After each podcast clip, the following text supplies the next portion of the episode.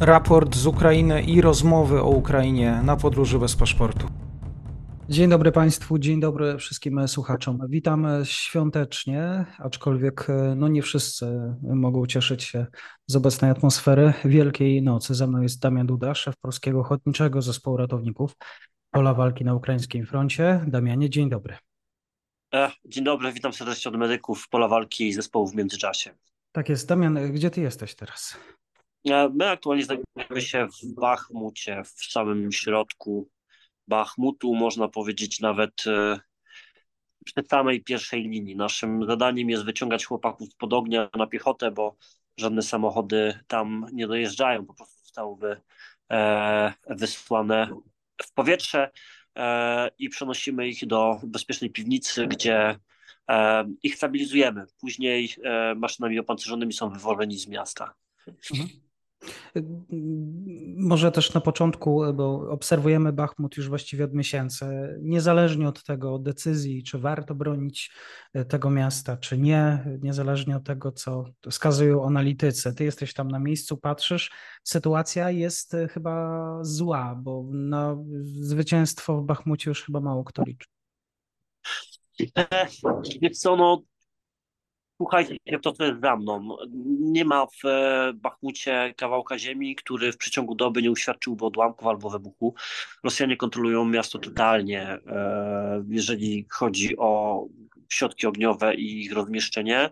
I nie, ja nie zdradzam w tym momencie żadnej tajemnicy wojskowej, bo ktoś w tym momencie mógłby powiedzieć, że ja mówię za dużo. Wystarczy spojrzeć na mapę, e, gdzie Rosjanie są, wystarczy słuchać się w to, co się dzieje za, za, za oknami, które już nie mają szyb. E, ogniowo oni niepodzielnie że tak powiem, panują w Bachmucie, ale mimo wszystko Bachmut się broni, obrońcy Bachmutu trzymają linię e, i nie zamierzają się z nich e, wycofać do momentu, dopóki nie padnie rozkaz do, do wyjścia. A dopóki będą tu żołnierze ukraińscy, dopóki będzie choć jeden żołnierz, któremu trzeba będzie udzielić pomocy, to będziemy tu też chyba Mhm, ale tam nie padają pytania, dlaczego my tu jesteśmy, dlaczego mamy bronić tego miasta, czy taki powiedzmy podążanie za rozkazem? Nie, słuchaj, Ukraińcy mówią wprost. Czy wierzą w Bachmut, czy nie wierzą w Bachmut, mówią wprost. Dzisiaj Bachmut, jutro Słowiańsk, Kramatorsk, e, pojutrze Kijów i dalej, co nie? Oni mają świadomość tego, że Rosjanie się nie zatrzymają. Po prostu Rosjanie będą szli dalej do przodu. Mhm. Y, morale ludzi, rozumiem, w takim razie wysokie, pomimo chyba też y, dużych strat, jak patrzymy na cyferki. Wiesz co, o stratach nie chcę się wypowiadać. No są zabici, są ranni, to jest normalna rzecz. To pomieszczenie, z którego ja teraz się nagrywam, e, normalnie jest e, kostnicą. E, jeżeli, jeżeli mamy poległych, zanim zostaną wywiezieni, to właśnie tutaj są trzymani wiesz, y, czy to morale jest wysokie, czy to morale jest niskie, wszystko rozbija się o to, że, że oni po prostu nie mają innego wyjścia, że to jest, to jest, to jest walka y, o to, by nie było eksterminacji narodu ukraińskiego po prostu. Mhm. Ja zastanawiałem się, kiedy powiedziałeś mi, że zmierzasz w kierunku Bachmutu, jak właściwie dzisiaj dostać się do miasta. E, to chyba też arcytrudne jest, żeby dzisiaj. Tak, to, to, to była skomplikowana, e, trudna akcja. Generalnie na początku trzeba było wytłumaczyć, że nie jesteśmy chorzy psychicznie. I na początku trzeba było wytłumaczyć, e, że no, pomimo tego, że część Ukraińców nie chce wjechać do Bachmutu i wielu z nich wręcz no zdarza się niestety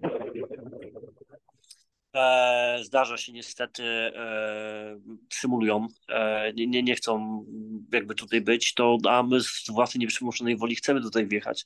Więc jakby to był pierwszy proces. Drugi proces to było zminimalizowanie swojego dobytku do, do minimum, żeby po pierwsze zmieścić się do transportera opancerzonego, my tu wjechaliśmy BWP-em, a po drugie, wiesz, w każdej chwili miasto może być otoczone, w każdej chwili technika może być spalona i w każdej chwili my możemy się na nogach przebijać do do ukraińskich sił.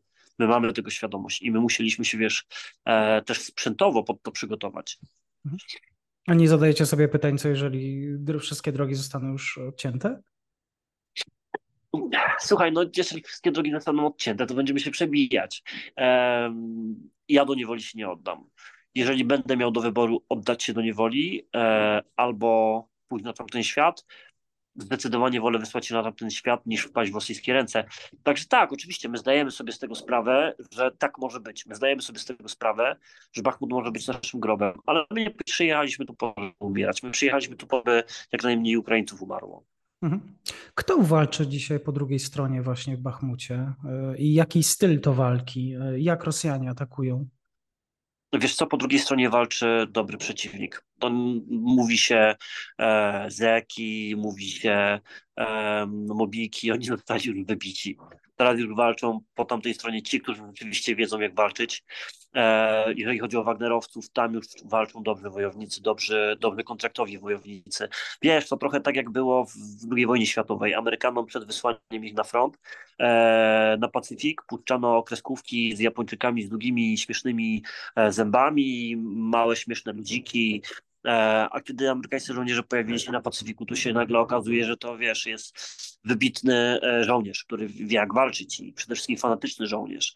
E, część ukraińskich żołnierzy doświadcza tutaj tego samego. Wczoraj znaleźliśmy w nocy, poruszając się po mieście, dwóch zagubionych żołnierzy. Przeprowadziliśmy ich przez miasto i jeden z nich tak patrzy na mnie i mówi Boże, tak się to ja widziałem tylko w filmie. Stałem rakieta, coś zaświeciło i budynku nie ma. E, więc e, no tak to wygląda. Fanatyczni, co to znaczy? Co przez to rozumiesz, żołnierze? E, wiesz co? E, wierzący w swoją sprawę. Wierzący w to, że oni e, walczą z nazistami, wierzący w to, że że, że oni walczą za Rosję, która walczy z NATO. No, jakby taka narracja, nawet u jeńców taka narracja się pojawia, że oni myśleli, że oni walczą z wojskami NATO, a nie ukraińskimi. Mhm. Ale spotkałeś rosyjskich żołnierzy? Miałeś też okazję ratować, udzielić pierwszej pomocy? Że, że co, tak. Mhm chodzi o rosyjskich żołnierzy, my się o nich ocieramy, e, natomiast my za dużo z nimi nie rozmawiamy i też za dużo informacji nie możemy o nich w ogóle przekazywać, dlatego że ich od razu przyjmuje Służba Bezpieczeństwa Ukrainy i, e, i już oni, że tak powiem, się nimi zajmują. Mhm.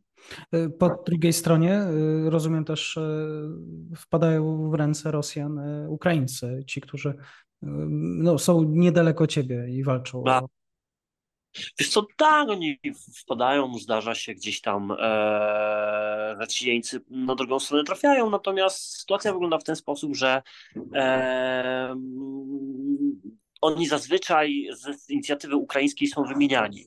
E, jeżeli to są osoby, którym gdzieś tam propagandowo zależy na Rosjanach, to raczej ich wymieniają, wiesz. Co innego, jeżeli mamy do czynienia z żołnierzami Azowa, ich szybko nikt nie wymieni. Mhm. E, powiedz mi, e, jak wygląda dzisiaj Wasza praca, to znaczy ilu Was jest, jeżeli chodzi o e, polskich, nie tylko polskich ratowników medycznych, jeżeli możesz udzielić takich informacji. Pracujecie w takim trybie zmianowym, masz jak odpoczywać? Słuchaj, my jesteśmy medykami pola walki. Mamy tutaj ze sobą ratownika medycznego, natomiast my jesteśmy ratownikami pola walki, paramedykami e, paramedykami e, i u nas e, to wygląda tak, że na chwilę obecną nasz czteroosobowy zespół tutaj pracuje w Bachucie, przedtem miesiąc e, przez miesiąc pracował inny czteroosobowy zespół i pracujemy w takim trybie rotacyjnym. Wiesz, wiesz, tu są też paramedycy ukraińscy, to nie jest tak, że tylko my tu jesteśmy. E, I to całkiem dobrze paramedycy ukraińscy, e, więc tak naprawdę tryb walki wymusza na nas nasz tryb życia, co nie? Jeżeli ten ogień przeciwnika jest mniej nasilony, to my wtedy odpoczywamy, jemy, e, nie wiem, kontaktujemy się z rodziną. Jeżeli jest robota, to po prostu jest robota. Mhm. Jak długo da się wytrzymać z Twojego punktu widzenia, gdybyś miał żyć właśnie, być tam w takim e, tempie? Nie wiem. Z dwóch paramedyków ukraińskich, którzy tutaj są, e, są tu tak długo, że nie chcą stąd wyjeżdżać.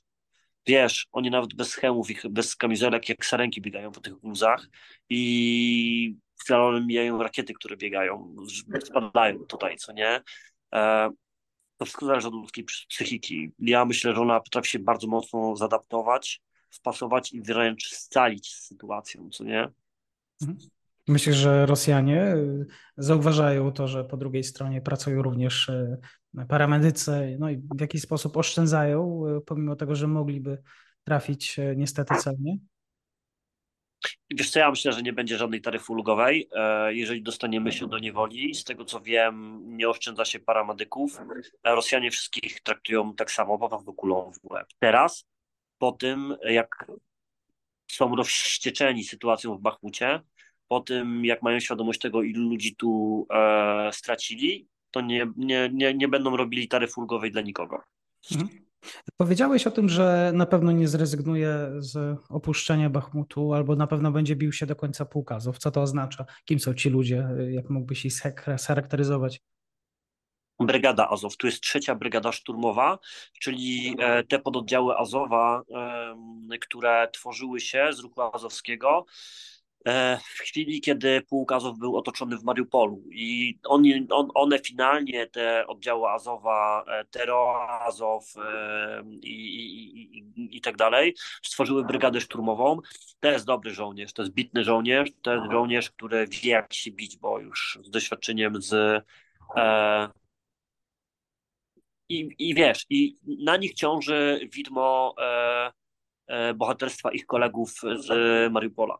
I oni w tym momencie wiedzą, że oni jakby wycofując się, w tym momencie można byłoby powiedzieć, skalaliby tchórzostwem e, bohaterstwa swoich kolegów, którzy polegli w Mariupolu bądź zostali wzięci do niewoli i część z nich dalej tam jest. Mhm. Zadam ci może dosyć, e, znaczy nie, może być może nie jest to pytanie do ciebie, aczkolwiek zapytam. Po drugiej stronie jest już e, rosyjski żołnierz, który wie jak się bić. To nie są, wspomniałeś o tym ci ludzie z początków e, walk, nawet o sam Bachmut. Ukraiński żołnierz również doświadczony. Co właściwie dzisiaj twoim zdaniem decyduje to, decyduje o fakcie, że no jednak no, Rosjanie są w posiadaniu większości miasta. E, mówi się już wieszcz oczywiście, koniec Bachmutu. Od czego to zależy? Ech, wiesz co, ciężko jest mi stwierdzić. Eee, tutaj się nie robi analiz.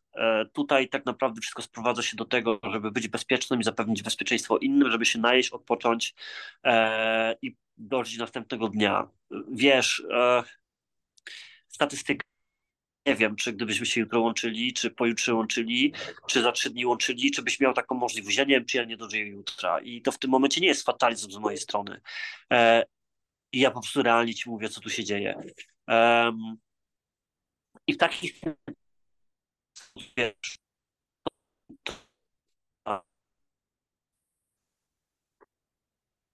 Wiem, że mamy, drodzy słuchacze, problemy z łączeniem z Damianem, ale mam nadzieję, że za chwilę wrócimy. Damianie, mam nadzieję, że jeszcze się... Mam nadzieję, że jesteś, słyszę Cię. Damianie, y, myślę, że słuchacze, y, raz jeszcze mówisz o, o, tym, że nie robi się tutaj statystyki. Wspomniałeś o tym, że no nie wiesz, czy, czy możemy rozmawiać za moment. I tutaj niestety urwało nam połączenie. Wiesz co, ja nie wiem, czy y, jak nie wiem, kiedy wytransmit... jakby nie wiem, kiedy będzie transmisja tej rozmowy, ale ja nie daję gwarancji, że jak ta transmisja będzie leciała, to czy ja dalej będę żył. Bo wiesz, my widzimy, co tu się dzieje. Jakby to pomieszczenie, w którym ja teraz siedzę, e, jest dość często zapełniane zwłokami, które są wywożone później razem z rannymi. E, więc tu się nie robi analiz po prostu tutaj człowiek robi wszystko, żeby przeżyć, zapewnić bezpieczeństwo drugiej osobie i mhm. czekać następnego dnia.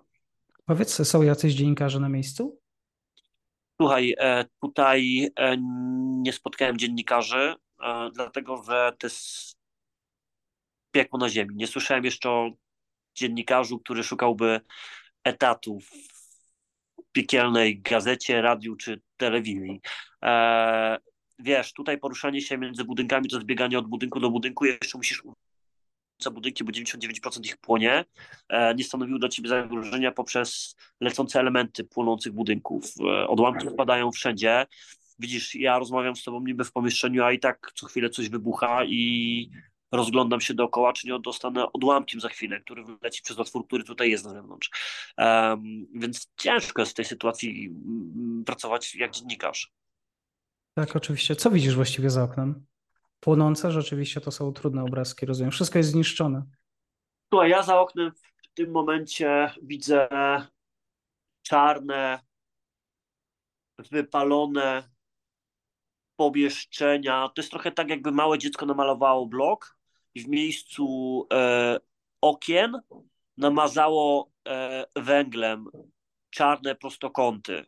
E, do tego obraz jest jeszcze zniekształcony przez dym, którego jest tu pełno. E, jeżeli ktoś interesuje się tematem postapokaliptycznym, to, to właśnie Bachmut.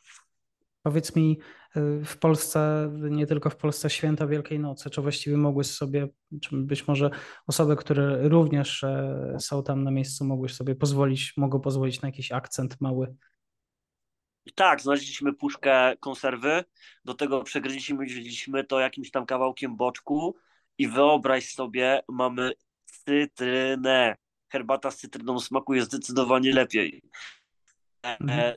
Natomiast my wiedzieliśmy, na co się pisaliśmy. My wiedzieliśmy, że przyjeżdżając tutaj nie będziemy mieli tych świąt. Wiedzieliśmy, że e, nasze rodziny przy stołach e, będą tęsknić, będą się obawiać, ale podjęliśmy taką decyzję, e, bo wiedzieliśmy, że nasze ręce się tu przydadzą. No, my naszą działalność prowadzimy tylko i wyłącznie e, z tego, co nam się uda zebrać dobrej woli i w tym momencie wszystkim chciałem podziękować za każdy grosz, który został nam przekazany, bo dzięki temu e, mogliśmy tutaj przyjechać do tego piekła, by wyrwać stąd jak najwięcej istnień. Mhm. Damianie, jeżeli będzie, może oczywiście słuchaczy zachęcam do tego, żeby sięgnąć do pierwszego komentarza albo do opisu. Tam być może link do zbiórki e, i do informacji, jak można jeszcze pomóc, więc e, jak najbardziej zachęcam Państwa do tego, żeby e, wspierać Damiana i ekipę w działaniu. Ukraińscy żołnierze narzekają również na braki, ale te już powiedzmy, które sprawiają, że da się bronić front, da się bronić linii. Wiesz co, problemu z jedzeniem, bo my nawet tutaj w Bachmucie mamy jedzenie i jest nie najgorzej. Problem jest z, z bronią. I to nawet nie mówimy tutaj o broni, e, wiesz, ręcznej, granaty, automaty czy, czy, czy amunicję, bo tutaj też nie ma z tym problemu. I tu też nie powiem tajemnicy. Ciężka broń. Czołgi, artyleria. Tego brakuje. Widzisz, artyleria e, wali praktycznie cały czas po Bachmucie. My za bardzo nie słyszymy ukraińskiego ognia kontrbateryjnego. Mhm. Powiedz mi, e, w atmosferze oczywiście tutaj powiedzmy cisza medialna, zostaliśmy proszeni o to, żeby nie mówić o ewentualnej kontrofensywie, ale da się wyczuć takie napięcie wśród Ukraińców, oczekiwania na coś? No powiem ci, ja oczekuję. Jest to jedno, jest to jedno z bardziej e, utęsknionych oczekiwań mojego życia. Tak jest. Czekamy również na efekty, czekamy na, na, na to, y, aż też żołnierze, którzy walczą z Tobą y, i paramedycy będą też mogli opuścić spokojnie Bachmut. Y, Damianie, z mojej strony wszystkiego dobrego dla Was na ten czas. Też pamiętamy w, i w pamięci, w modlitwie, i też no tak po ludzku, można powiedzieć, trzymamy kciuki, liczymy na Was, żeby nie zabrakło też jak sił zarówno i do pomocy, jak i do bronienia tej linii frontu. E, Damianie, kłaniam się nisko, bardzo dziękuję. Trzymajcie się, wesołych świąt.